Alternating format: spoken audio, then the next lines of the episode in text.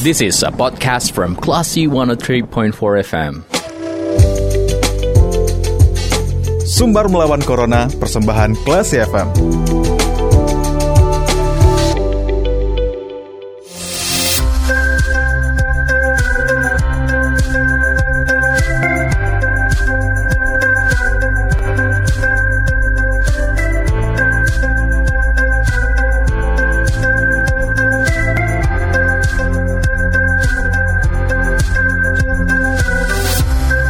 103,4 kelas FM bersama kita lawan Corona. Classy People, saatnya Anda mencermati program Sumber Melawan Corona.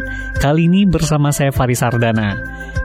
Kota Padang hari ini sudah memulai launching vaksinasi COVID-19 untuk anak yang mana sebelumnya di Sumatera Barat sudah lebih dahulu dilakukan di Kota Sawalunto dan Kabupaten Kepulauan Mentawai. Lalu bagaimana pelaksananya di Kota Padang? Kita akan berbincang langsung bersama pelaksana tugas Kepala Dinas Kesehatan Kota Padang, ada Pak Didi Aryadi. Assalamualaikum Pak Kadis. Waalaikumsalam, selamat sore uh, Bang Faris. Gimana kabarnya Pak, sehat? Alhamdulillah sehat. Alhamdulillah. Nah, terkait dengan launching vaksinasi untuk anak umur 6 sampai 11 tahun, ini seperti apa pelaksananya Pak Kadis? Ya, jadi kita alhamdulillah untuk Kota Padang kita kan vaksinasi lansia kita uh, justru alhamdulillah dengan bantuan semua pihak, hmm. terutama kawan-kawan dari kepolisian dan TNI itu kita bahkan sudah uh, sampai hari kemarin itu sudah lebih 100 persen, jadi sudah 114 eh, persen. Hmm. Nah persyaratannya uh, satu kabupaten kota itu baru bisa melaksanakan vaksin anak kalau seandainya vaksinasi lansianya sudah uh, 60 persen. Yeah. Dan vaksin kota secara keseluruhan itu juga uh, 60 persen. Nah kita untuk secara keseluruhan kota sekarang alhamdulillah sudah 91 persen. Hmm. Makanya kita uh, sudah boleh untuk melaksanakan uh, vaksin anak untuk uh, umur 6 sampai 11 tahun. Dan kita sebenarnya sosialisasi sudah mulai dari minggu kemarin. Yeah. Dan sudah ada juga beberapa sekolah yang memang karena sudah uh, siap dan kita kawan-kawan dari puskesmas juga sudah siap. Sudah ada beberapa sekolah yang sudah mulai uh, kita laksanakan vaksinasi anak. Nah, secara resminya pencanangannya tadi kita laksanakan hmm. langsung Pak Kota beserta Forkopimda, ada Pak Kapolres, Pak Dadip, dan Pak Kajari, serta dari Kakan Kemenak, yeah. itu hadir bersama-sama di SD Tanah Air. Hmm. Nah, kita sudah mulai nih untuk uh, vaksinasi anak 6 sampai 11 tahun. Berarti tadi sudah dimulai di Kota Padang dan uh, sudah ada anak-anak yang divaksinasi di lokasi uh, pelaksanaan launching ya, Pak? Oh, sudah, sudah. Jadi tadi di SD Tanah Air itu hmm. ada 100 anak yeah. uh, yang kita vaksin. Nah, sebelumnya seperti disampaikan tadi dalam satu minggu uh, kemarin itu sebenarnya kita juga sudah mulai gitu kan untuk pelaksanaan vaksin anak karena kita mencapai 60 persennya itu uh, minggu kemarin hmm. jadi di hari Sabtu minggu kemarin itu sudah uh, 71 yeah. sehingga kita uh, mendapatkan surat dari Kemenkes bahwa Kota Padang itu sudah boleh untuk melaksanakan vaksinasi anak. Hmm. Uh, tapi kita lebih banyak ke sosialisasi kemarin itu satu minggu kemarin kita sosialisasi. Tapi ada beberapa sekolah yang selesai sosialisasi besoknya mereka minta uh, langsung divaksin. Bukan vaksinasi. Hmm. Dan itu sudah kita lakukan sehingga kita sampai dengan tadi pagi uh, itu kita sudah memvaksin anak di Kota Padang 1824. Sudah cukup uh, banyak ya Pak? Sudah, tapi hmm. itu presentasinya baru 2,06 karena hmm. target vaksinasi anak kita untuk Kota Padang itu adalah sebesar 88.330 anak. Itu keseluruhan anak di Kota Padang ya, Pak? Iya, iya. Hmm. Yang usia 6 sampai 11 itu tersebar di SD dan uh, Madrasah Ibtidaiyah di, hmm. di yang uh, kerjasama dengan Kemenak. Baik, uh, sudah dilaksanakan dengan target sekitar 88.000 dan Oh, per hari ini capainya baru sekitar 2,2. Ini kira-kira nih Pak, sampai kapan target mungkin lebih dari 50% bisa dicapai untuk pelaksanaan vaksinasi anak di Kota Padang? Ya, jadi kita fokus untuk uh, pelaksanaan vaksinasi anak ini uh, kita dua minggu ke depan. Jadi hmm. uh, mulai hari ini pencanangan sampai dua minggu ke depan. Nah itu kita uh, fokus untuk melaksanakan vaksinasi anak ini dan kita targetkan mudah-mudahan minimal itu 60 persennya bisa kita uh, capai dari 88.330. Mudah-mudahan lebih. Hmm. Karena memang uh, sosialisasi sudah terlebih dahulu kita lakukan. Dan yeah. kita alhamdulillah sosialisasi kita itu uh, cukup berhasil karena kita memang bekerja sama dengan uh, IDAI, hmm. Ikatan Dokter Anak Indonesia. Dan alhamdulillah uh, kawan-kawan dari IDAI itu sangat aktif sekali uh, bersama dengan uh, dari DKK, Puskesmas dan dari uh, Dinas uh, Pendidikan dan Kebudayaan. Jadi di sekolah-sekolah kita selalu melaksanakan sosialisasi sebelum kita melaksanakan uh, vaksinasi ini. Hmm. Berarti target sekitar 60% ini dalam dalam dua minggu ke depan ya Pak? Ya, insya Allah dalam dua minggu ini uh, bisa kita capai uh, 60 persennya. Hmm. Nah, Pak, uh, terkait dengan sosialisasi yang sudah dilakukan oleh pihak uh, DKK, pemerintah Kota Padang atau banyak pihak yang lainnya, Tentu kita nggak bisa menafikan juga bahwa kondisi masyarakat yang masih ada yang masih ragu dengan vaksinasi, menolak vaksinasi, ini jika nantinya ada orang tua yang menolak vaksinasi untuk anaknya, bagaimana ke depannya Pak? Apakah misalkan kalau di sekolah eh, anaknya tidak diizinkan untuk offline atau seperti apa? Ya, jadi memang kita uh, selalu berupaya melakukan pendekatan secara uh, persuasif ya. Hmm. Makanya kita menggandeng uh, Ikatan Dokter Anak Indonesia secara teknis tentu kawan-kawan dokter anak bisa menyampaikan bahwa vaksinasi ini memang sangat menguntungkan dari sisi kesehatan, yeah. mem mm. membentuk kekebalan tubuh sehingga anak-anak yang uh, berlarian kemudian uh, apa bersentuhan dengan kawan-kawannya nah itu kita jamin bahwa mereka itu kebal terhadap uh, virus uh, COVID-19 hmm. ini. Nah, memang uh, kalau seandainya ada yang menolak, nah kita memberikan uh, semacam pengertian yang lebih dalam lagi yeah. bahwa ini adalah sangat penting karena kalau seandainya si anak tidak divaksin, ada kemungkinan si anak pun dia terpapar dan bisa memaparkan kepada orang, orang lain. Hmm. Nah, tentu uh, kita mengharapkan ini tidak terjadi. Nah, terkait ada yang menolak, ini tergantung dari kebijakan di uh, sekolahnya masing-masing. Hmm. Nah, ini mungkin uh, kawan-kawan dari Dinas Pendidikan dan Kebudayaan itu kan sudah membuatkan semacam ada surat persetujuan orang tua. Yeah. Nah, di sana memang dikatakan kalau seandainya anaknya tidak divaksin, nah tentu berkemungkinan si anak bisa nanti terpapar. Nah, hmm. kalau terpapar itu juga bisa memaparkan ke yang lain. Nah, kemudian tentu kalau seandainya uh, si anak tidak mau divaksin, nah kemungkinan besar tentu nah ini ter, tergantung dari kebijakan sekolahnya apakah si anak itu uh, tidak diizinkan untuk uh, belajar secara luring, tapi pelajaran secara daring. Nah, padahal kita semua kan sudah kebijakan, kita sudah memulai uh, pembelajaran secara tatap muka atau yeah. luring. Nah, tentu salah satu komponennya adalah si anak harus uh, divaksin terlebih dahulu sehingga memberikan rasa aman dan nyaman tidak saja kepada diri yang bersangkutan tapi juga pada teman-teman dan lingkungan lainnya termasuk hmm. ke guru-gurunya yeah. karena uh, bisa saja si anak uh, memaparkan ke gurunya guru bisa terpapar dari anak juga hmm. Baik, uh, berarti selama proses sosialisasi uh, dari pihak uh, dinas, kemudian IDAI dan lain sebagainya, bagaimana dinamika yang terjadi di sekolah-sekolah Pak? Apakah benar-benar ada orang tua yang menolak secara frontal atau memang menerima saja beberapa uh, waktu ini uh, pihak dari dinas melakukan sosialisasi?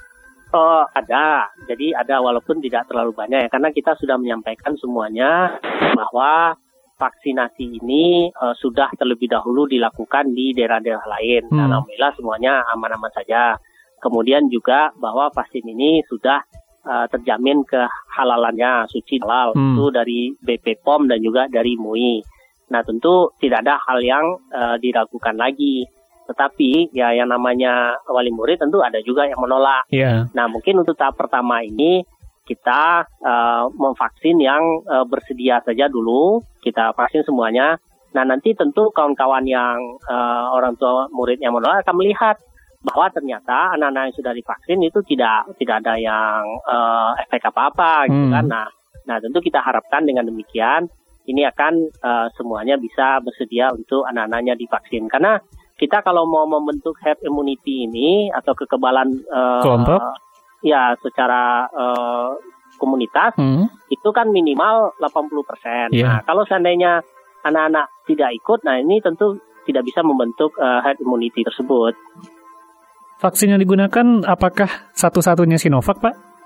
Iya, jadi khusus untuk vaksin anak itu memang kebijakan dari Kemenkes Ya. semuanya Sinovac. Hmm. Karena memang Sinovac yang memang eh, kipinya itu relatif paling eh, kecil. Artinya eh, kejadian ikutan pasca imunisasinya yang paling eh, kecil itu adalah eh, Sinovac. Artinya tidak menimbulkan demam, tidak menimbulkan sakit-sakit.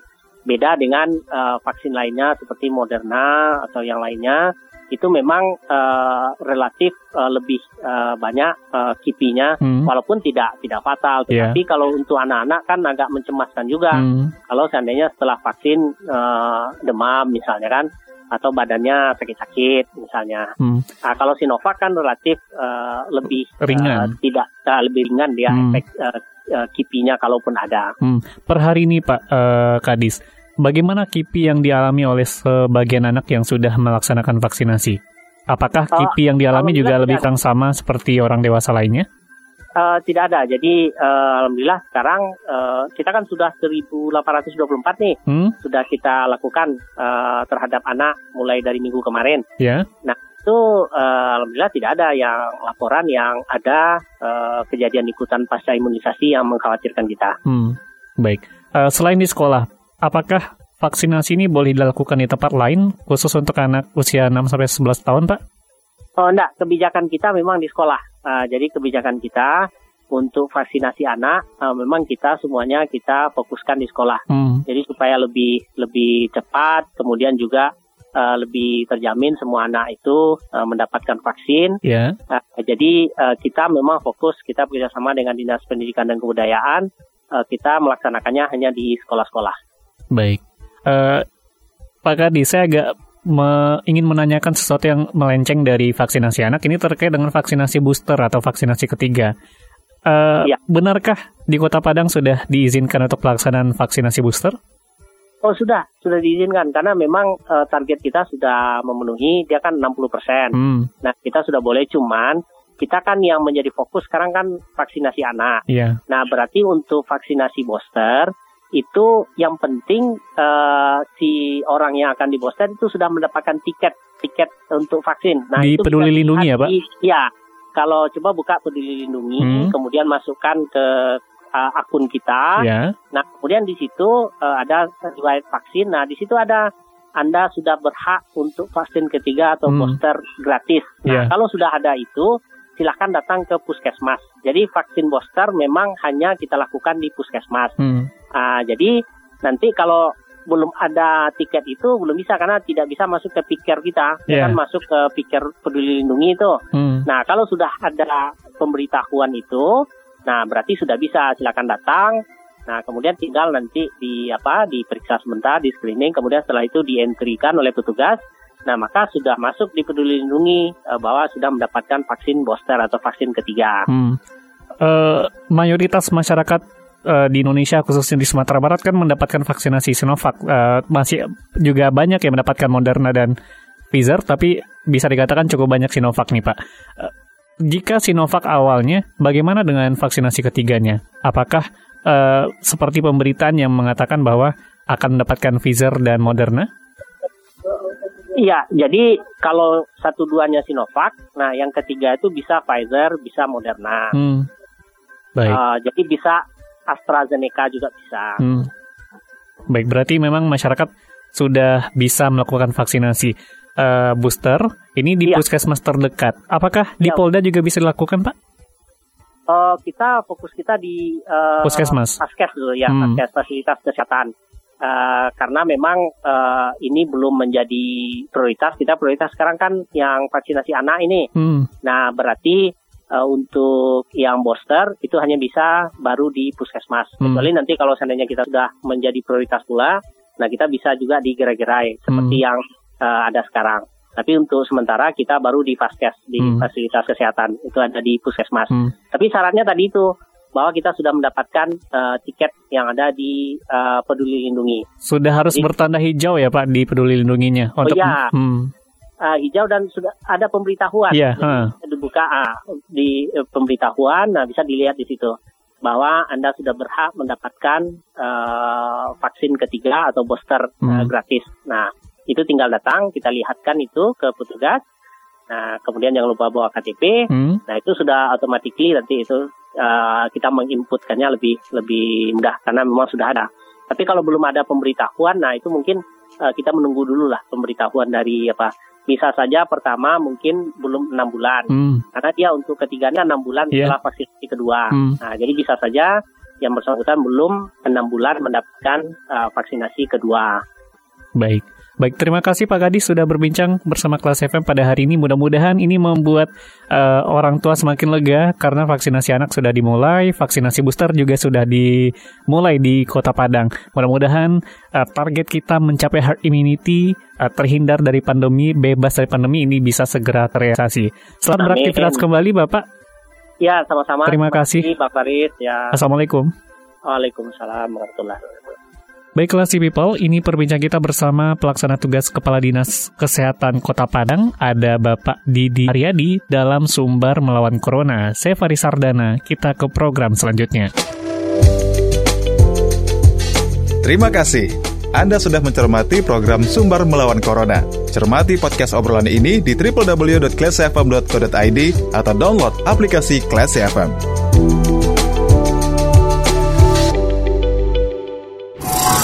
This is a podcast from Classy 103.4 FM.